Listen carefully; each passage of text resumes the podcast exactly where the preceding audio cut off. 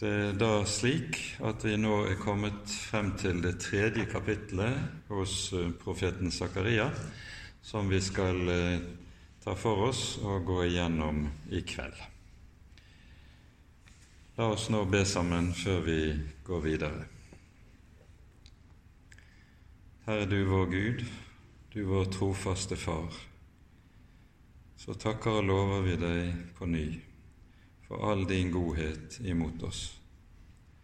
Takk, du levende og hellige Gud, at du er den som har bøyet deg til oss i din elskede Sønn.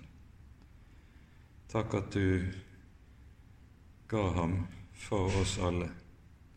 Du ga ham i vårt sted, for at vi skulle få være dine barn, for å leve i fred under evangeliet og få lov til å eie en evig forløsning ved ham. Nå ber vi, gode Herre, at du vil være hos oss denne stunden. Vi ber at du vil sende din Hellige Ånd, åpenbare ordet ditt og skrive det inn i våre hjerter, for at vi må få lov til å ha og eie det vi trenger for å bli frelst det vi trenger for å bli bevart hos Jesus inntil enden. Vi ber i vår Herres Jesu navn. Amen.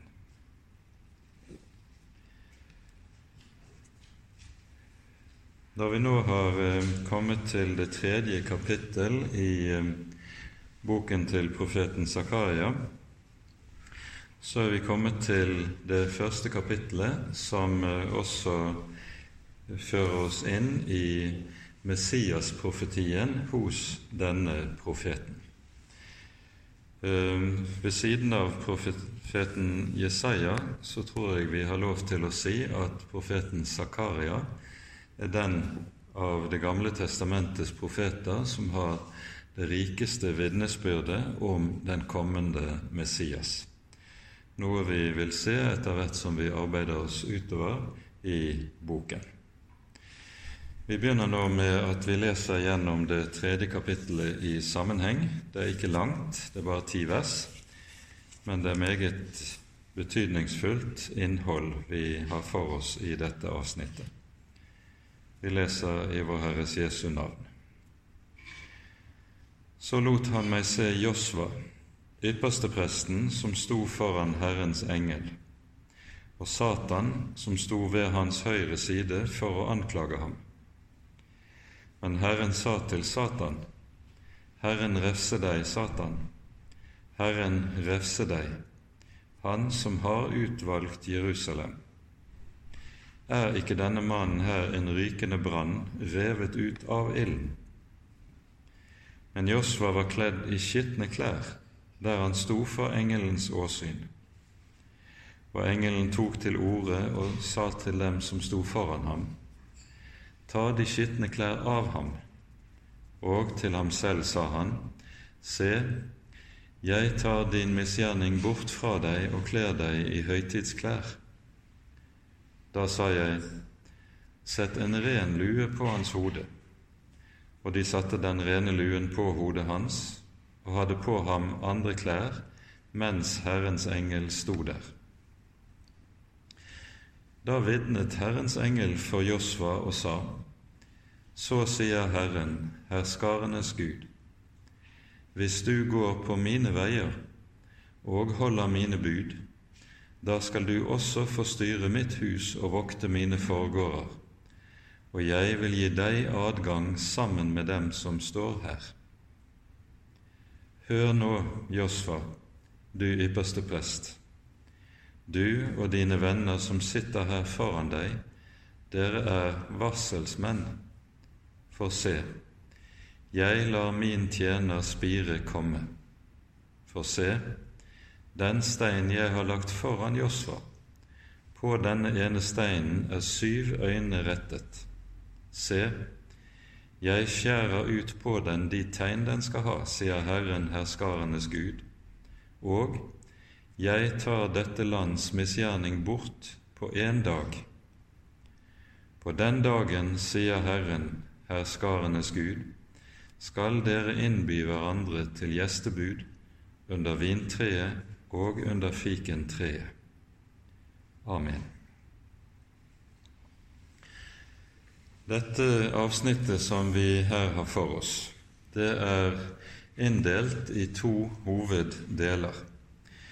Den første delen av kapittelet, de fem første versene, så hører vi om hvorledes eh, Josva står for den himmelske domstol. Så lot han meg se Josva, ypperstepresten, som sto foran Herrens engel, og Satan, som sto ved hans høyre side for å anklage ham. Josva står for den himmelske domstol. Dernest følger fra vers 6 av og ut kapittelet avsnittet som taler om først hvorledes Josva er forbildet, og dernest hvem han er forbildet på, nemlig den kommende Messias. Når Josva står foran Guds domstol, så har vi med dette nettopp samme bilde av en domstol som vi kjenner godt fra vår egen virkelighet. Det er en dommer, det er en som er anklaget, og så har vi aktor, anklageren, og forsvareren for den anklagede. Dommeren her, det er Han som er den levende Gud, den hellige, Israels hellige. Josfa, ypperstepresten, er den som står der anklaget, og hans skyld, den tegnes billedlig i teksten ved at han har urene klær på seg. De urene klær er bildet på hans synd, på hans skyld. Og så har du aktor i saken. Det er Satan, djevelen, han opptrer som anklager. Mens forsvareren her, det er altså han som kalles Herrens engel. Herrens engel er i Det gamle testamentet et av de viktige navnene på vår Herre Jesus Kristus før han kler seg i kjøtt og blod og blir menneske. Det er altså den ene personen i treenigheten som kalles Herrens engel. Og vi hører stadig når Herrens engel omtales i Det gamle testamentet, så omtales han som identisk med Gud, samtidig som han omtales som forskjellig fra Gud. Um, et tydelig eksempel på dette har vi f.eks. når uh, Herrens engel åpenbarer seg for Moses i den brennende tornebusken. Der står det at det er Herrens engel som åpenbarer seg, og så omtales han litt lenger ute i teksten som identisk med Herren selv. Og med dette antyder vår bibel nettopp dette mysterium at i den ene Gud er det flere personer, flere som kan si 'jeg' om seg selv. Herrens engel er slik sett altså den annen person i treenigheten.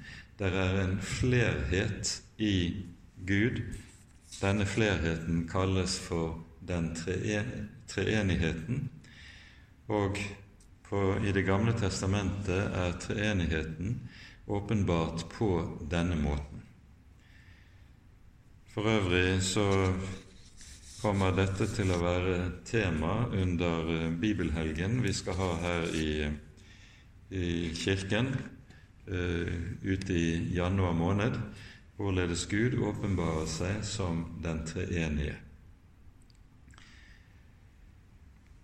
Djevelen tegnes som anklageren. Eh, ordet Satan det betyr bokstavelig motstander eller fiende.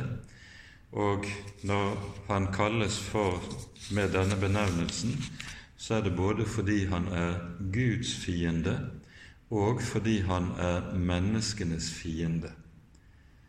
Han kommer bare for å stjele og myrde og ødelegge, sier Jesus i Johannesevangeliets tiende kapittel. Og han er den som søker med ethvert middel å føre mennesket i fordervet, i fortapelsen. Her står han som anklager, og i vår bibel opptrer djevelen meget hyppig nettopp som dette, som anklager. I åpenbaringsbokens tolvte kapittel som kalles han rett og slett for 'våre brødres anklager'. Og an, som anklager hører vi han opptrer også f.eks. i begynnelsen av Jobbs bok, der han trer frem for Guds ansikt og sier om Jobb at det er jo ikke rart at Jobb tror på og frykter deg, for du har jo gitt Jobb så gode kår. Men ta bare fra ham all den velsignelsen som du har gitt ham, så vil du se at det er slutt på Jobbs gudsfrykt. Slik anklager Satan Jobb og blir årsaken til Jobbs ulykke og prøvelser, som vi hører om videre ute i Jobbs bok. Her står altså djevelen som Josvas, yppersteprestens, anklager. Josva er sammen med Serubabel den som er folkets leder i forbindelse med tilbakevendingen fra fangenskapet i Babylon. Dette har vi talt om under de tidligere bibeltimene over Sakarias. Det er slik at når kong Kyros erobrer Babylon, så gir han et frihetsedikt som gjør at de jøder som er i fangenskap i Babylon, får tillatelse til å vende tilbake til Israels land og starte gjenreisningen av tempelet. Og ledere for den første store gruppen av jøder som vender tilbake, det er altså Serubabel, som er etterkommer av David. Han av perserkongen utnevnt til stattholder over området, og Josva, som altså er etterkommer av Aron og innehar det ypperste prestlige embetet. For øvrig er det slik at navnet Joshua, eh, Jehoshua på hebraisk, er det samme som Josva-navnet i Josva-boken og Jesu navn slik det uttales på hebraisk. Og nettopp Josvas forbilledlighet eh, i denne sammenheng på Han som er vår store ypperste prest, Jesus, er viktig i dagens kapittel fra profeten Zakaria. Djevelen opptrer altså som Josvas anklager. Og når djevelen opptrer som anklager, så kan det skje på to måter. Den ene måten er det som vi hører om her, for Guds trone. Den andre måten er det som en kristen kan oppleve i sin samvittighet. En kristen, han lever av evangeliet om Jesus, budskapet om at Jesus på korset har tatt på seg og båret alle våre synder uten forskjell og uten forbehold. Men det er perioder i livet der en kristen kan oppleve de dypeste anklager i sin egen samvittighet. Og det som da skjer, det er nettopp at det er den onde som er på ferde og plager et kristent menneske. Dette kan komme til å skje i perioder av livet der en opplever stor nød, stor trengsel, store vansker. Da kan den onde komme og si det at slik som du har det nå, det viser at du er forlatt av Gud. Og du er forlatt av Gud på grunn av de og de synder i livet ditt som du har gjort deg skyldig i. Én ting er at Jesus har båret våre synder, men tenk på alle de syndene du har gjort deg skyldig etter at du ble en kristen, etter at du kom til tro på Jesus. Du har slett ikke levet slik som en kristen burde leve.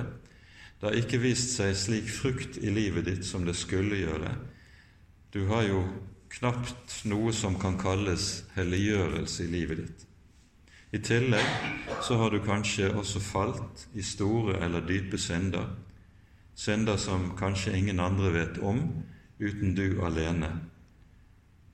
Og så tenker du slik som jeg har stelt meg, slik som jeg har levet, kan Herren ikke lenger ha langmodighet med meg. Og den nød og trengsel jeg opplever, det er bare vitnesbyrd om at nå, nå er jeg forlatt av Gud. Vi skal være klar over at nettopp dette er uttrykk for djevelens anklage i samvittigheten. Djevelen kan komme og anklage en for nylige synder, men han kan ikke minst komme og anklage en for gamle synder. Synder som ligger langt tilbake i livet, og som du skammer deg over. Synder som ligger langt tilbake i livet, som du vet at slik skulle jeg som kristen aldri ha gjort og så har du likevel gjort det. Dette er noe som er en erfaring som mangt et kristent menneske kan oppleve. Og eh, vi ser til og med at apostelen Paulus kunne oppleve noe av dette i sitt eget liv. Det som ser ut til ofte å ha anklaget ham, det er minnet om hvorledes han selv har forfulgt Kristi menighet. Vi hører i flere steder i brevene hans så er dette noe som tydelig ligger i hans eget minne og plager ham. På denne måten er det altså at djevelen kan plage kristne mennesker. Og hvis en kristen så å si gir etter i dette, så kan han ende i den dypeste fortvilelse og det dypeste mørke. For det som er avgjørende i slike situasjoner, det er at vi klynger oss til at det Gud har sagt i sitt ord om sin sønn, og det han har gjort på korset, det gjelder bokstavelig. Når det sies om Jesus at han er Guds lam som bærer verdens synd, så menes det bokstavelig. Det sies ikke at han bare har båret noen synder, at han har båret synder delvis, men det står bokstavelig at han har båret verdens synd. Så kunne du stille spørsmålet Hører du til verden? Hører du til denne verden? Ja vel, da har han båret dine synder òg. Det gjelder helt bokstavelig. I 1. Johannes brev, i det første kapittel, så leser vi Jesu Kristi Guds Sønns blod renser fra all synd. Det står bokstavelig, det. Og det som det da handler om når vi blir møtt med den slags anklager som vi her har pekt på, det er at vi minner oss selv om det som Guds ord sier om forsoningen, om at vi har en som har båret all synd. Jesus har ikke bare båret de synder du en gang gjorde. Han har båret syndene som du fortsatt bærer på. Han har ikke bare båret dine gjerningssynder, han har også båret de synder som bor i ditt eget hjerte, og som du selv ikke er i stand til å kvitte deg med, men som dukker opp på ny og på ny i form av onde tanker, onde lyster osv. Han har båret alt, alt, uten unntak og uten forbehold. Og det å være et kristent menneske, det er helt enkelt å holde seg til det Guds ord sier om hva Jesus har gjort. Jesu Kristi Guds Sønns blod renser fra all synd. Det er dette som Paulus i Efeserbrevet i det sjette kapittel kaller for troens skjold.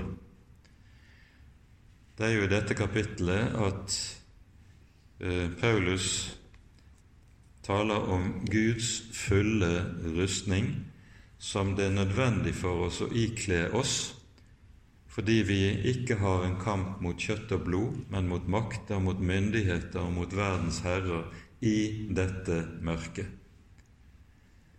Kampen mot djevelen, den står der, og en av, et av djevelens mest pinefulle våpen er nettopp dette at han kommer som anklageren. Og Da er det at Paulus, når han taler om rustningen, sier at vi skal ha fått troens skjold, hvormed vi skal slukke alle den åndes gloende piler. For når det kommer denne typen anklager som vi her har talt om, så er det nettopp de gloende piler som kan svi og smerte og brenne i samvittigheten på en måte som kan være nesten uutholdelig for en stakkar. Troen skjold, det vil si det at jeg holder meg til Guds løfter, det Gud har sagt om sin sønn, det som gjelder for Guds ansikt om hva Jesus har gjort. Det er det du skal holde opp overfor den onde og alle hans anklager, og så vil det, Guds ord, Guds løfte, det er det som duger, og som er i stand til å slukke de brennende piler. Dette er altså en del av det som er en kristens erfaring. Og denne typen anklage, når det dukker opp og kan møte en kristen, så står en kristen overfor det som de gamle kalte for anfektelse.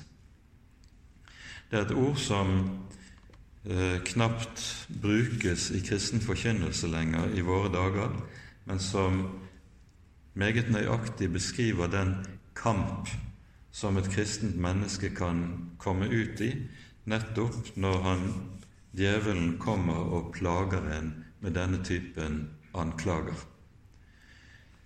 Anfektelse kommer fra tysk 'anfechtung', og betyr det at man fekter mot eller kjemper mot en fiende. Og det er det en står overfor i anfektelsen. Når Paulus taler om den fulle rustning, som vi skal få ikle oss, og altså nevner troens skjold, så skal, vi også minne om at første, den første delen av rustningen som Paulus taler om i dette sjette kapittelet i Feserbrevet, det er sannheten. Han sier 'omgjordet med sannhet som belte om livet'.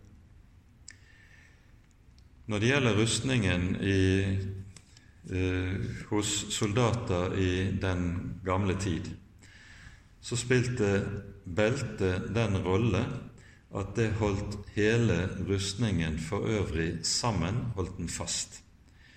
Falt beltet av, så ville rustningen også falle av, en ville miste rustningen og dermed være uten beskyttelse. Så sannheten spiller den rolle at den holder hele rustningen sammen. Og Hva slags sannhet er det tale om når vi taler om Guds fulle rustning?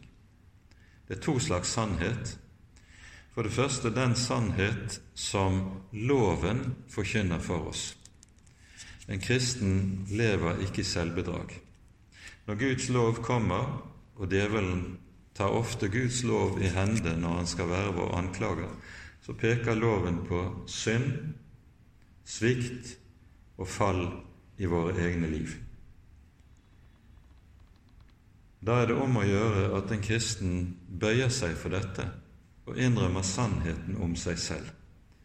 Ikke rømmer fra det, ikke unnskylder det, ikke prøver å bagatellisere sannheten, men sier 'ja, sånn er det, slik er jeg', og jeg har ingen unnskyldning. Men samtidig er sannheten også en sannhet som forkynner evangeliet for oss, for her handler det nettopp om at Guds ord er lov og evangeliet. For sannheten i evangeliet lærer oss at nettopp den synd som djevelen anklager deg for, som loven anklager deg for, nettopp den synd er det Jesus har båret på korset. Og Den sannhet i evangeliet er det du skal tviholde på, klynge deg til, for det er i den sannhet du har trøsten som kan bære deg igjennom alt.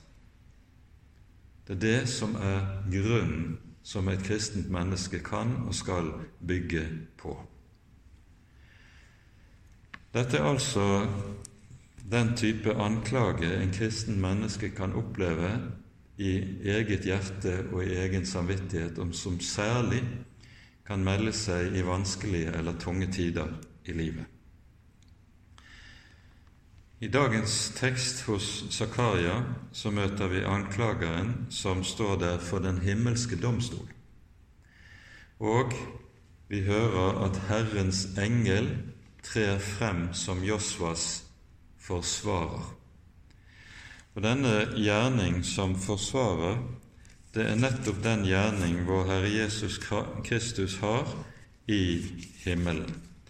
I 1. Johannes brev leser vi sånn i det annet kapittel i de to første versene. Mine barn, dette skriver jeg til dere for at dere ikke skal synde. Men hvis noen synder, har vi en talsmann hos Faderen, Jesus Kristus, den rettferdige. Og han er en soning for våre synder, og det er ikke bare for våre, men òg for hele verdens. Det som er saken her, det er at ordet talsmann, det er et gresk ord som vanligvis brukes om forsvarsadvokaten i en rettssak. Talsmannen er forsvarsadvokaten. Og Det som da skjer her, det er at når du faller i synd, så kommer djevelen og peker på det. Se her, nå har Jan falt på nytt. Nå har han sviktet på nytt. Det er helt klart at en sånn kar, han kan ikke være en gudstjener. Og så trer djevelen der inn med sine anklager. Men da er det altså at Skriften sier vi har en talsmann hos Faderen, Jesus Kristus den rettferdige. Og Hvordan er det Jesus taler din og min sak for Guds trone i himmelen? Han trer frem for Faderen, så å si og viser den allmektige Fader naglemerken og sier:" Med disse sår har jeg gjort soning for all den synd som her er gjort. Med disse sår har jeg bøtet for alt det som Jan har gjort når han har falt. Og dette kan du si og ta til deg for din egen del, hvem du enn er. For saken er jo den når du ser vår Herre Jesus Kristus tegnet for oss i himmelen, slik vi hører det i Johannes' åpenbaring. Hvorledes tegnes han for oss der? Han tegnes for oss som et land som står der like som slaktet. Hva betyr det? Det betyr helt konkret at Jesus bærer sårene etter korset i all evighet. Synd, ulykke, elendighet, fall kan prege et menneske på en sånn måte at det ødelegger til og med hans kropp. Du kan se på noen enkelte mennesker hvordan deres liv i synd nærmest har ødelagt dem. Men får slike mennesker komme til Jesus og bli frelst? Da lærer Skriften oss at evigheten, forsoningen, Den sletter ut alle merker etter synden.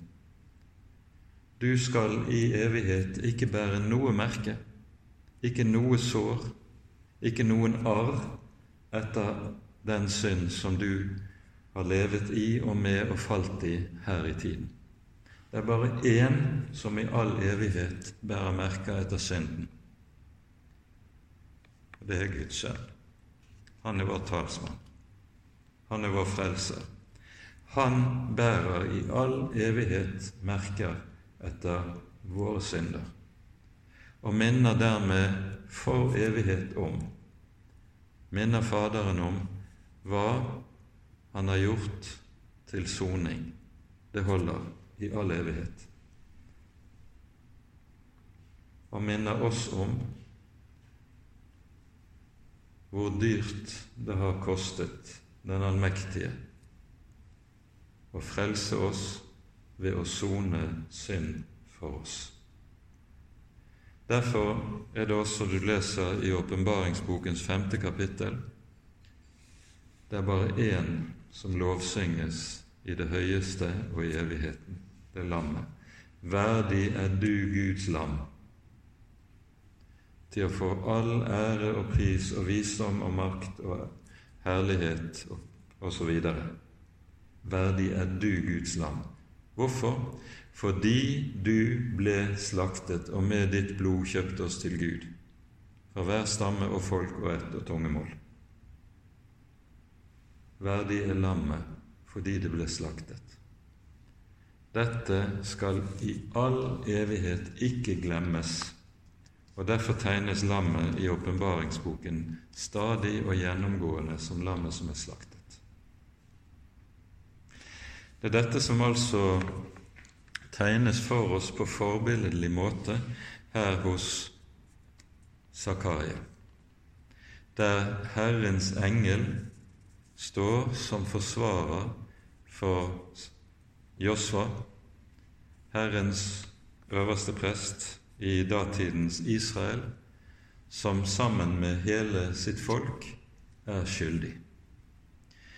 Og Det som er en ganske viktig del av det vi leser her i teksten, det er at Josfa står her ikke kun i kraft av egen person, at det er hans egen personlige synd det handler om.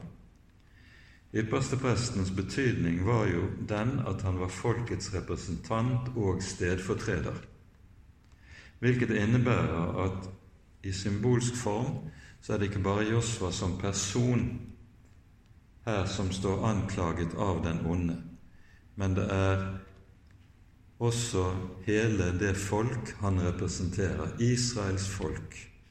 Guds folk er de som står der med urene klær, som står skyldige for den hellige. Og denne skyld, denne synd, er det satt tydelige ord på eksempelvis i Daniels store botsbønn, som du hører i Danielsbokens niende kapittel. Her hører du synden innrømmes. Og det er sant. Josfa har skitne klær. Men da sies det, sånn som vi leser det i dagens tekst, det er en som trer frem til forsvar. Det er en som kan ta bort skylden, ta bort synden, og gjøre at Josfa og med ham hele det folk han representerer, kan stå rene, hellige og rettferdige for den allmektige. Derfor lyder det fra Herrens engel Se, jeg tar bort. Hvem er det som tar bort synden? Det er ikke Josfa som prøver å vaske klærne sine, for det hadde ingen ikke nyttet. Men det er Herrens engel, talsmannen. Jeg tar din misgjerning bort fra deg og kler deg i høytidsklær. Og Dette peker på det som er den dobbelte virkning av forsoningen. Ikke bare blir den synd som er til, gjort, tilgitt, skylden gjort opp, men i tillegg blir en ikledd en fullkommen rettferdighet og hellighet. Og det er nettopp det de rene klærne, høytidsklærne, symboliserer. En blir altså både fri fra det negative, synden tas bort, den tilgis, gjelden er gjort opp. I tillegg iskles en en fullkommen hellighet og rettferdighet. Jeg kler deg i høytidsklær. Det siste verset i dette avsnittet lyder slik det er profeten som bryter ut, sett også en ren lue på hans hode. Den rene luen som det her er tale om, det er den som hørte med til yppersteprestens embetsdrakt. Det var en hvit eh, lue som ifølge eh, illustrasjoner som man har fra den gang, ligner noe på den mitra som man kan se biskoper har f.eks. i den, eh, i eh, den katolske kirke. Eh, den var hvit, og på panen var det festet en plate av gull der det sto 'Helliget Herren' nemlig satt til side for Herren, til tjenesten for Herren. Og Poenget her er når Josfa nå er renset for sin synd, kan han tre inn i tjenesten, for det er bare den som er renset fra synd, som kan være tjener for Herren. De som ikke er renset fra synd, de som ikke kjenner evangeliet om Herren, de kan ikke og skal heller ikke være tjenere i Hans rike. Så Nå settes han altså til side på ny. Han fornyes i det kall som Arons sønner er satt til. Og så fortsetter det derfor med disse ordene til Josva personlig. Da vitnet Herrens engel for Josva og sa:" Så sier Herren herskarenes Gud, hvis du går på mine veier og holder mine bud, da skal du også få styre mitt hus og vokte mine forgårder, og jeg vil gi deg adgang sammen med dem som står her.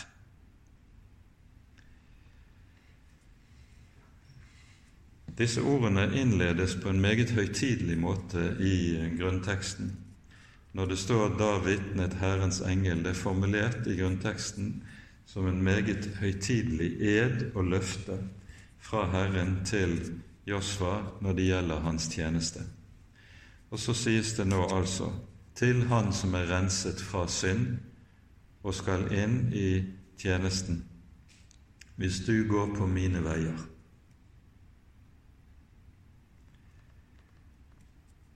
Å gå på Guds veier er i Den hellige Skrift noe som alltid står i motsetning til at mennesket går sine egne veier.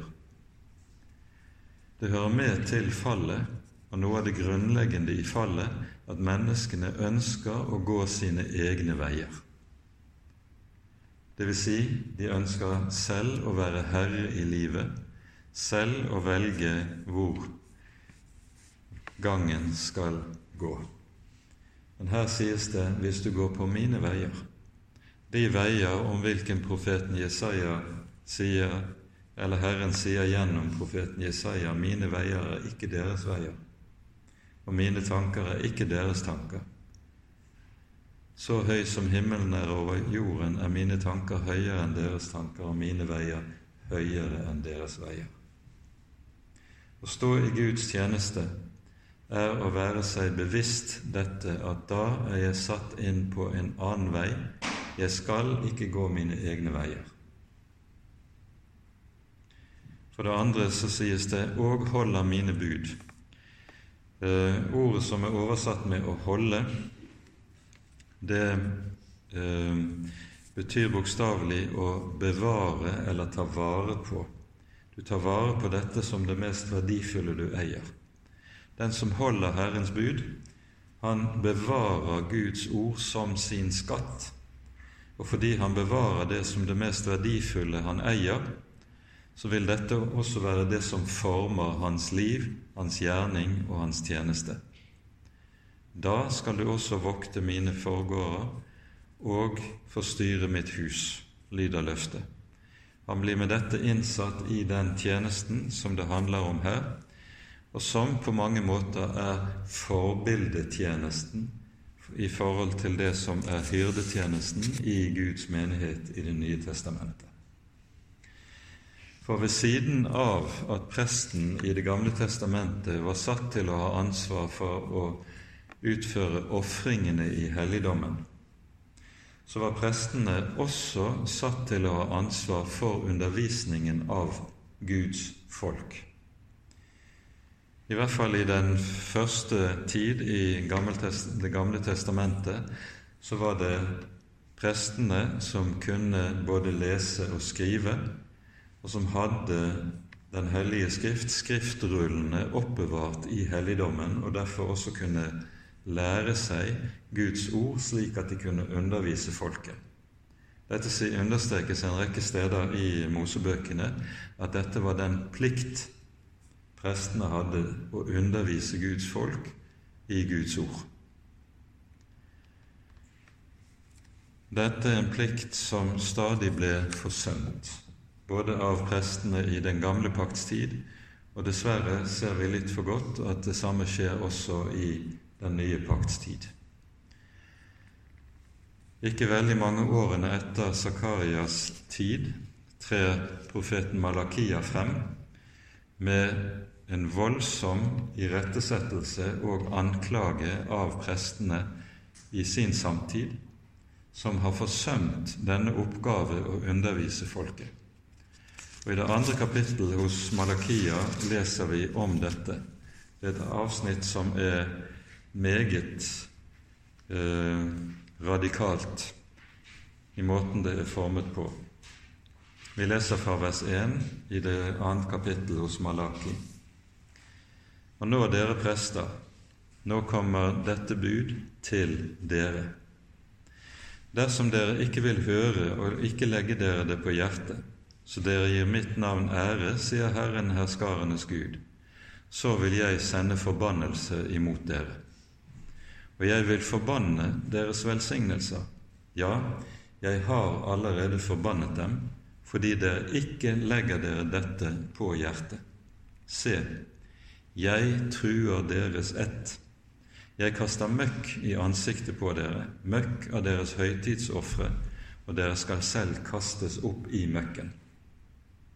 Da skal dere kjenne at jeg har sendt dette bud til dere for at min pakt med Levi skal stå fast, sier Herren, herskarenes Gud. Den pakt jeg hadde med ham, var liv og fred. Det ga jeg ham for at han skulle frykte meg, og han fryktet meg og hadde ærefrykt for mitt navn. Sannhetslov var i hans munn, urett ble ikke funnet på hans lepper. I fred og ærlighet vandret han med meg, og mange omvendte han fra misgjerning. For en prests lepper skal bevare kunnskap, lov skal hentes fra hans munn, for han er sendebud fra Herren herskarenes Gud. Men dere, dere har veket av fra veien og har fått mange til å støte an mot loven. Dere har fordervet Levipakten, sier Herren herskarenes Gud. Derfor har jeg også gjort dere foraktet og små for hele folket, for dere akter ikke på mine veier, men gjør forskjell på folk for loven. Det er uhyre skarpt, det vi her hører. Når prestene ikke holder fast ved Guds ord, så sier Gud, 'Jeg vil forbanne deres velsignelser'.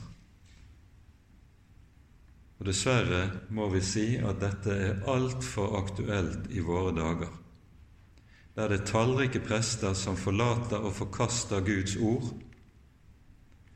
og står og holder gudstjeneste i kirken og lyser velsignelse over folket, men Herren har sagt 'Jeg vil forbanne disse velsignelser'. Dette er det dype alvor som gjaldt den gang. Det er det dype alvor som også gjelder i dag. For Han som er Herre, er den samme. Han har ikke forandret seg.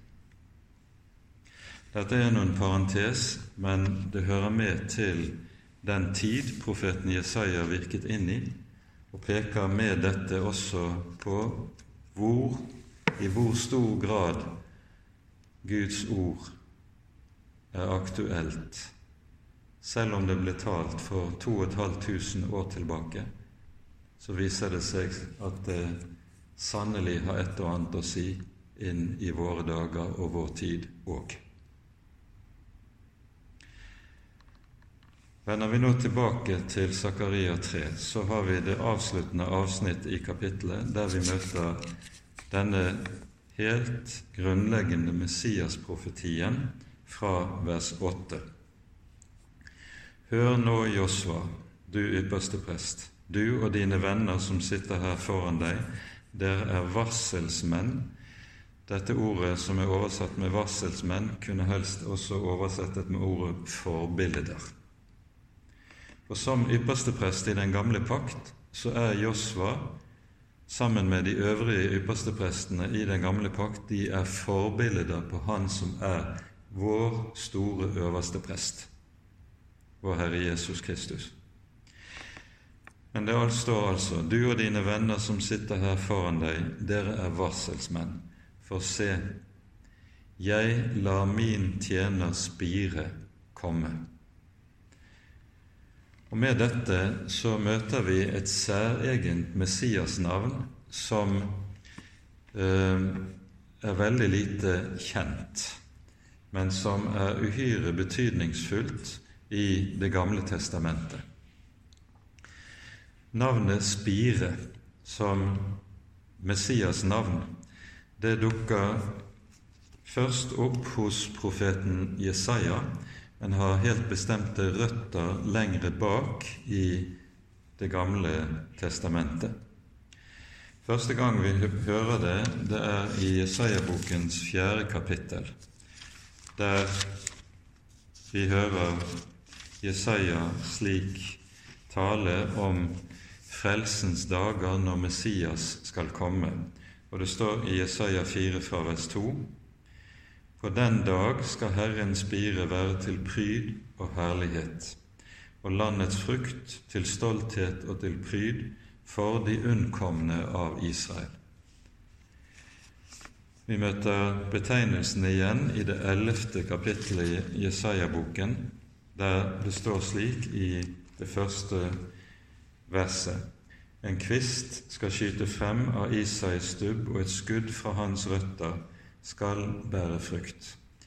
Er det spire eller skudd, rotskudd, som eh, er navnet, og det er samme betegnelsen som vi altså hører her hos Zakaria. Betydningen av denne eh, betegnelsen henger sammen med at vi i det foregående kapittel, i det tiende kapittel i Jesaja-boken, hører om hvorledes Guds folk, Israel, er blitt et stort og løvrikt tre, men de bærer ingen frukt. Derfor har det ingen, har det ingen nytte for sin eier, og så hogges treet ned med veldig kraft. Dette er de siste versene i det tiende kapittel. Og så kommer de første verset i, i kapittel 11 men. En kvist skal skyte frem. Treet er hogget ned, det står bare en stubbe igjen. Det ser ut som treet er fullstendig dødt. Men av denne stubben skal det spire frem en liten spire. Tankegangen i dette er at når Messias trer frem, så trer han frem i en tid der det ser ut som alt håp er forbi for Guds folk. Og han trer frem nettopp med tanke på det at det er håp for de som ser ut til å være fullstendig uten håp. Det er det navnet Spire skal minne om. Det er samme saken vi hører om i det fjerde kapittel også, for i det foregående kapittel tre hører vi om hvorledes Guds dom med voldsom kraft gjøres gjeldende overfor folket, og så kommer det på den dag skal Herren spire, være til ære og til pryd for de unnkomne i folket. Det er altså tale om at når Messias kommer frem, trer frem, så trer han frem i den tid som kalles for dommens tid. Det var tilfellet ved hans første komme. det var en tid der Guds folk Israel var under Guds tunge dom på grunn av sin, at de nettopp gikk sine egne veier. Og Den dom som de står under når Jesus trer frem, slik vi hører det i Det nye testamentet, den settes det meget nøyaktig ord på av døperen Johannes. Han, Døperens rolle er nettopp dette at han setter ord på den dom som er folket står under, og dermed kaller folket til omvendelse. Og så kommer Jesus i denne dommens tid, som spiren som skal bære frukt, som spiren som gir håp til de som er uten håp. Og så Derfor sies det også nettopp om hans fremtreden da det folk som bor i mørket, skal se et stort lys. Dette er sammenhengen med spirebegrepet. Og vi hører dette denne benevnelsen også anvendes hos profeten Jeremia. Viktigste teksten har vi i Jeremia kapittel 23.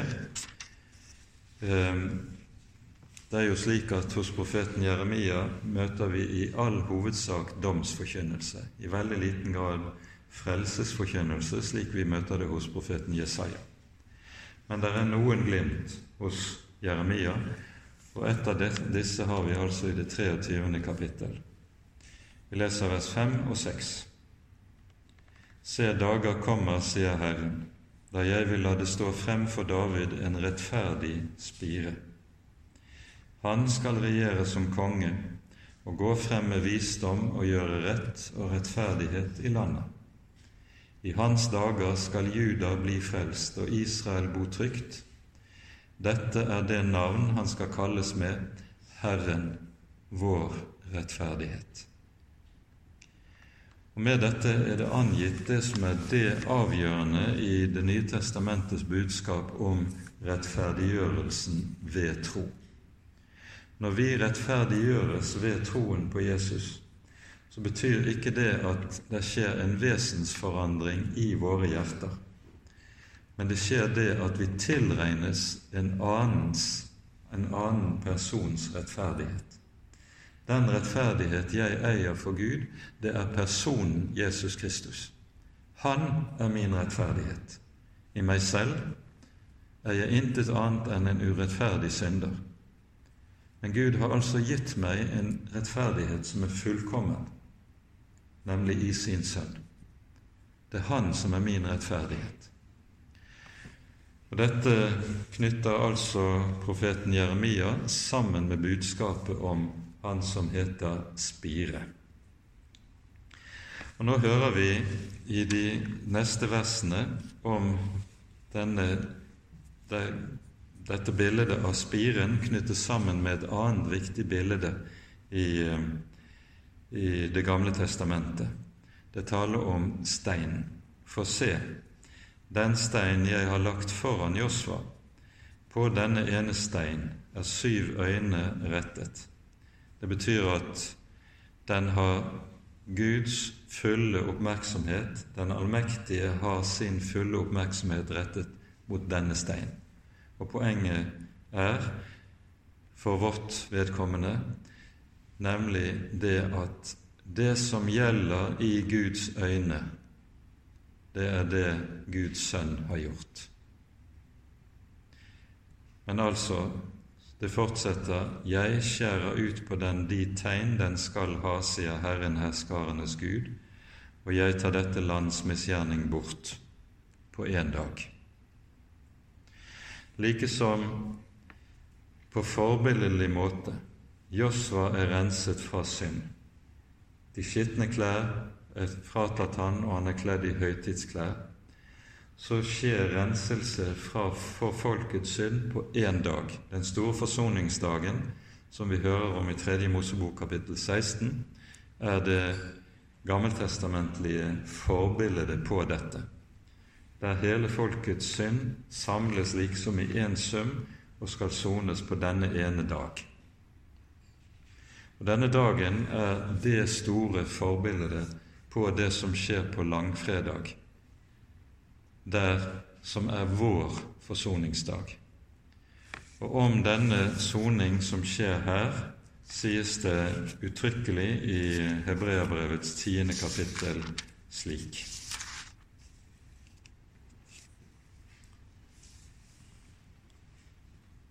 Med ett offer har Han for alltid gjort dem fullkomne som blir helliget. Tenk det sies. Og så står det litt tidligere i samme kapittel ved denne vilje, altså er Guds vilje, når Han sender sin Sønn inn i verden. Ved denne er vi blitt helliget, ved at Jesu Kristi legeme ble ofret en gang for alle. Og Herren sier altså hos Zakaria, Jeg tar dette lands misgjerning bort på én dag. Og Dette knyttes altså sammen med talen om stein. Og Den stein det er tale om, det er antagelig det slik at det taler om grunnsteinen til det nye tempelet som er nedlagt, eh, og som er forbildet på steinen som det her handler om. Det var ikke uvanlig at man når man la ned grunnstein til viktige bygninger, så hogget man også inn en bestemt tekst på grunnsteinen. Det ble skåret ut de tegn som de skulle ha. Og tegnene det handler om, som skal stå på denne steinen, det er 'Jeg tar bort dette lands misgjerning på én dag'. Det står på steinen. Og vi forstår hva slags stein det er tale om. Den er omtalt hos profeten Jesaja i det 28. kapittel, der det står slik i det 16. verset Se, jeg har lagt i Sion en grunnstein, en prøvet stein, en kostbar, fast hjørnestein. Den som tror, haster ikke. Det er altså her tale om troen som er knyttet sammen med talen om steinen, grunnsteinen som er lagt ned i Sion. Hva slags stein er dette? Det er den som er omtalt i Salme 118 i vers 22, der det sies slik Den stein som bygningsmennene forkastet, er blitt hovedhjørnestein. Og nettopp det er det som skjer når landets misgjerning blir tatt bort på én dag.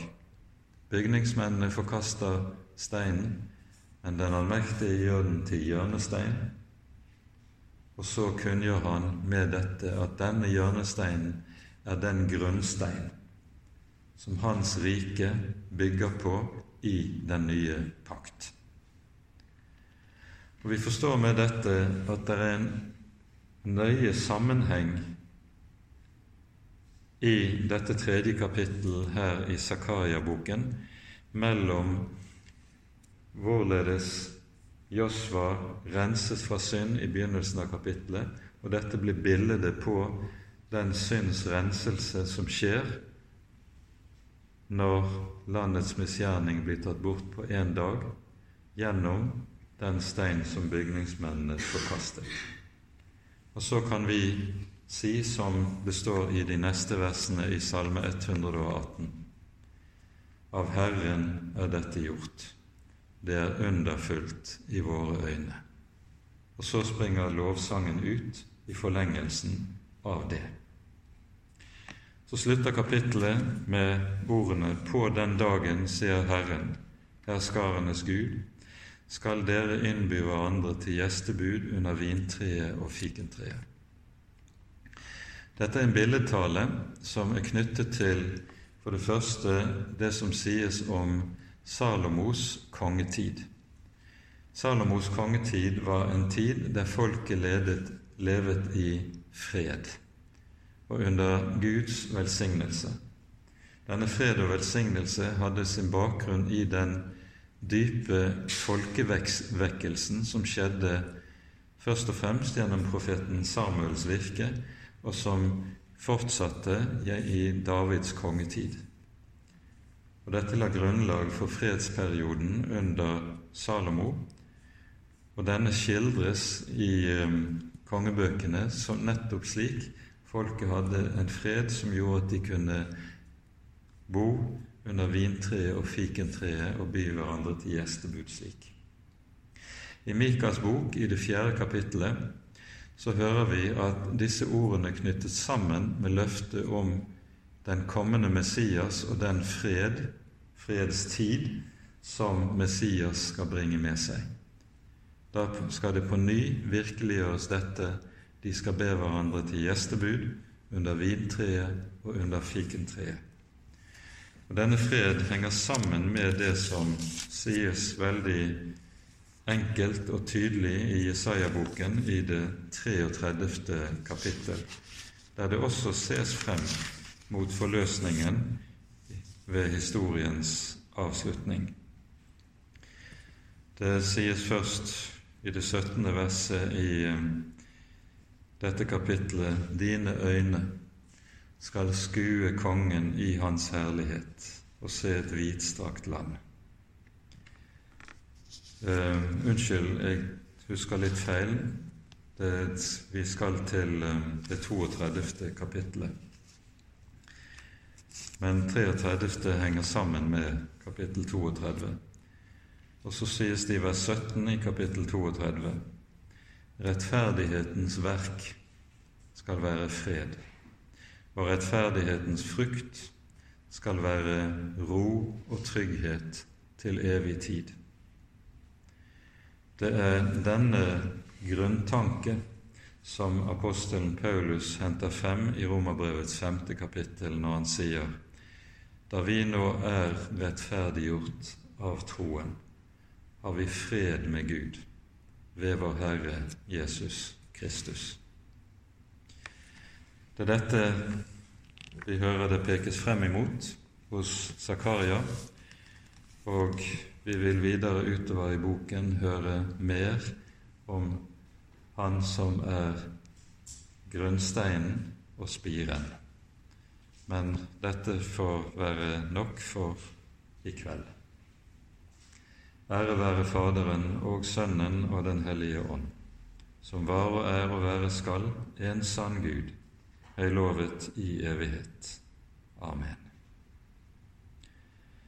La oss slutte av med at vi ber Herrens bønn sammen. Vår Far i himmelen. La navnet ditt helliges. La riket ditt komme. La viljen din skje på jorden slik som i himmelen. Gi oss i dag vårt daglige brød, og tilgi oss vår skyld slik også vi tilgir våre skyldnere. Og la oss ikke komme i fristelse, men frels oss fra det onde. For riket er ditt, og makten og æren i evighet. Amen. Ta imot Herrens velsignelse. Herren velsigne deg og bevare deg. Herren la sitt ansikt lyse over deg og være deg nådig. Herren løfte sitt åsyn på deg og gi deg fred. Amen.